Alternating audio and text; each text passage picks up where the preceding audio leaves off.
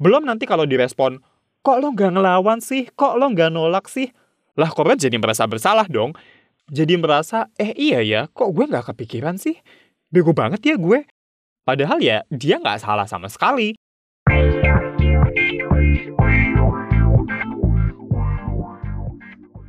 Halo, gue Budi dan lo lagi dengerin podcast Review SJW. Podcast yang bahas isu sosial dan budaya, juga politik dan lingkungan yang ada di film, TV series, dan pop culture lainnya.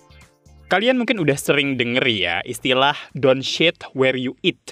Kalau diterjemahin kasar, jangan berak di tempat lo makan lah. Artinya kurang lebih, jangan having sex atau malah pacaran sama teman sekantor. Gue sih nangkapnya karena ya relationship dan seks itu bisa kompleks, bisa berantakan, begitu pula kerjaan. Kalau kecampur-campur bisa double berantakannya dan jadi jauh makin kompleks.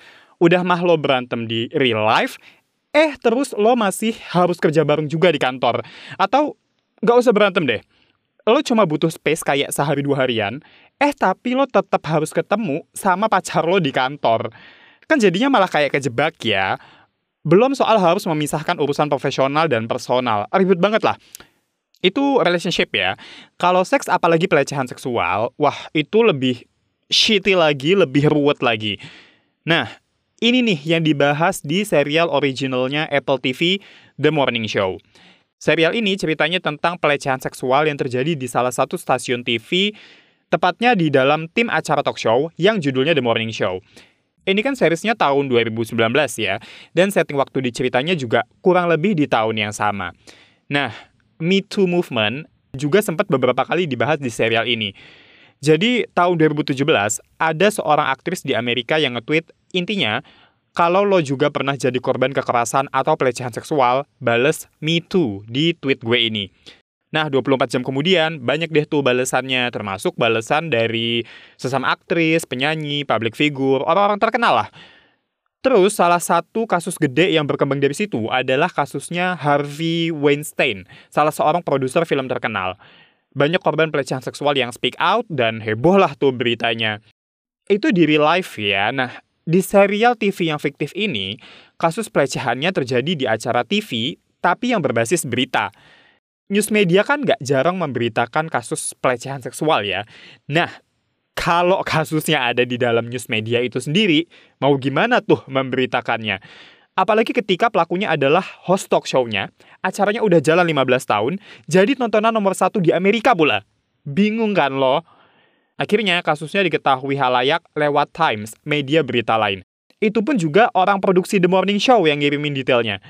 Karena kalau mau memberitakan di kandang sendiri, kompleks dan mustahil banget.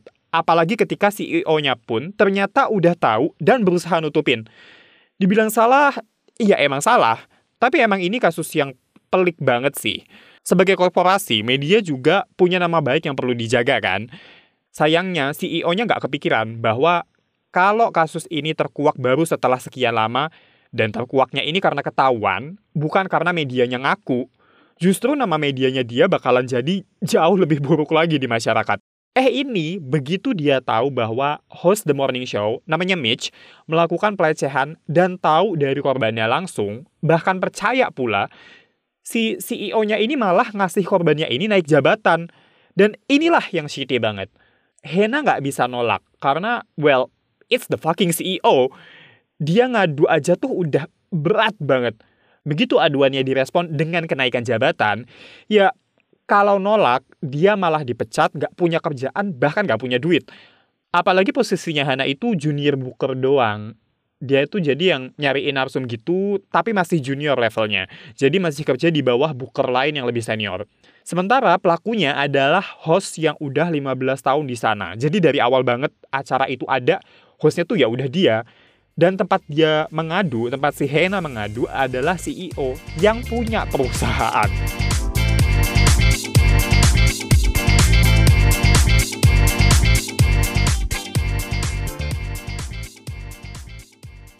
Nah, balik lagi ke Don't Shit Where You Eat.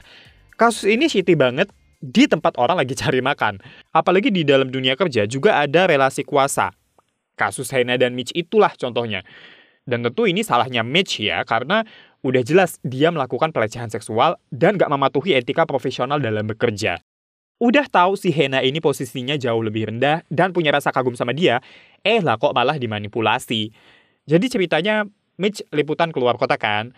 Terus Mitch secara personal minta ke tim The Morning Show biar Hena aja Booker yang ikut liputan. Pas malam-malam diajaklah tuh si Hena ke hotel. Eh lah kok malah digrepe-grepe sampai dipaksa ngewe. Ini adegan yang bikin gak nyaman banget sih, terutama kalau lo penyintas kasus pelecehan seksual ya. Tapi buat lo yang masih bisa-bisanya mikir, kenapa kok nggak nolak aja? Kenapa nggak ngelawan? Kenapa nunggu sekian lama baru cerita? Pertama, well, fuck you. Kedua, di salah satu episode di serial ini lo bisa lihat bahwa korban tuh nggak bisa nolak karena kaget anjir. Begitu pelaku melakukan aksinya, korban tuh yang, eh ada apa nih? Bingung gitu loh. Otak dan tubuh nggak mampu memproses apa yang sedang terjadi. Belum lagi dalam konteks Hena dan Mitch, ada perbedaan power yang tadi gue bilang. Hena masih karyawan baru, Mitch udah senior banget. Soal kenapa nunggu lama baru cerita juga, orang kan trauma ya mbak. Butuh waktu untuk memproses itu. Belum lagi ada pikiran, nanti kalau pada nggak percaya gimana? Nanti kalau ngiranya gue cuma nyebarin fitnah buat cari muka gimana? Belum nanti kalau direspon, kok lo nggak ngelawan sih? Kok lo nggak nolak sih? Lah korban jadi merasa bersalah dong jadi merasa, eh iya ya, kok gue nggak kepikiran sih? Bego banget ya gue. Padahal ya, dia nggak salah sama sekali. Akhirnya butuh waktu lama dan dorongan yang super kuat sampai kasus ini bisa terkuak. Sampai butuh bantuan orang luar bahkan. Jadi tim The Morning Show nggak bisa berbuat banyak kan, karena meski akhirnya ketahuan halayak, CEO mereka kan masih begitu controlling untuk ngasih filter, seberapa banyak yang halayak ramai harus ketahui dan lain-lain. Sampai akhirnya host baru pengganti Mitch, namanya Bradley, masuk ke The Morning Show. Dia masih idealis banget tuh. Jadilah dia berpikir, kita ini kan news. Harusnya kita jujur dan terbuka ke halayak dong. Wah, sumpah ya, Bradley tuh tipikal Aries banget lah. Udah mah orang baru, tapi somehow dia malah berasa kayak leadernya. Ngepush terus, ngomong dulu baru mikir setelah timbul kekacauan. Asli lah, chaotic banget itu manusia. Tapi kalau bukan gara-gara dia, kasus ini tuh nggak gerak ke mana-mana. Partnernya Mitch yang adalah perempuan aja, namanya Alex, dia sebenarnya tahu loh perbuatan Mitch, tapi dia malah nggak berempati sama korban yang sesama perempuan. Begitu kasusnya Mitch terbongkar, dia malah ribet mikirin karirnya dia doang. Which still makes sense, karena di salah satu episodenya, CEO dan petinggi-petinggi UBA TV yang semuanya cowok ini, white man lebih spesifiknya, merasa bahwa Alex itu udah tua dan bisa diganti kapan aja. Well, Mitch juga tua, tapi dia kan laki-laki. Jadi sebelum kasus ini terbongkar, gak ada tuh wacana untuk mengganti Mitch. Sementara petinggi-petinggi itu mikir, kalau host cewek itu kan harus bermuka menarik ya. Dan definisi menarik buat mereka adalah muda. Nah, karena itu Alex jadi mikir, yang penting bisa survive aja deh. Tapi emang dasar Bradley tuh kalau udah nge-push suka ekstra maksa ya. Jadinya Alex juga ikut gerak bareng meski sebenarnya dia nggak niat-niat banget setidaknya di awal. Tapi di akhir-akhir season 1 Alex juga jadinya yang mengekspos ke pemirsa di acara The Morning Show live tentang akar masalah pelecehan seksual ini, termasuk peran CEO-nya. Wah anjir lah, ini keren banget. Ah, gila ini tuh. Sumpah deh, salah satu serial TV terbaik yang gue tonton di tahun 2021 ini. Meski acaranya udah dari 2019 sih ya, gue emang suka agak telat sih. Wajib banget lah pokoknya buat kalian tonton. Oh, fun fact ya, Alex itu diperankan sama Jennifer Aniston, Bradley diperankan sama Reese Witherspoon. Mereka itu di serial Friends jadi kakak adik, Rachel sama Jill. Tapi di sini, well, jelas beda banget sama karakter mereka di Friends ya, tapi jadi kayak gila sih mereka berdua nih keren banget. Also, gue mau ngingetin ya, yang ada di The Morning Show ini, ini adalah fiksi, obviously, karena kan ini uh, serial TV ya.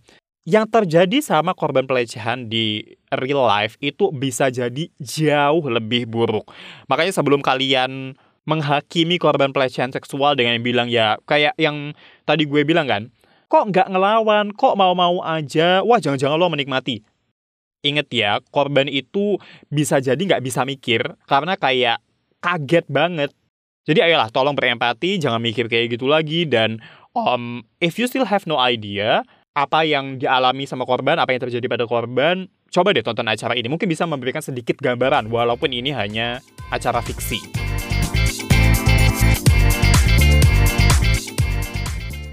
Oke, okay, sekian episode review SJW kali ini. Makasih banget udah mau dengerin. Kalau suka, please banget klik follow di Spotify, follow juga akun medsosnya di Instagram at reviewsjw, sama Twitter at review underscore. Share juga episodenya di instastory kalian, dan jangan lupa mentionnya ya, biar naik engagementnya. Oke, gue Budi pamit, sampai jumpa di episode-episode selanjutnya. Bye-bye!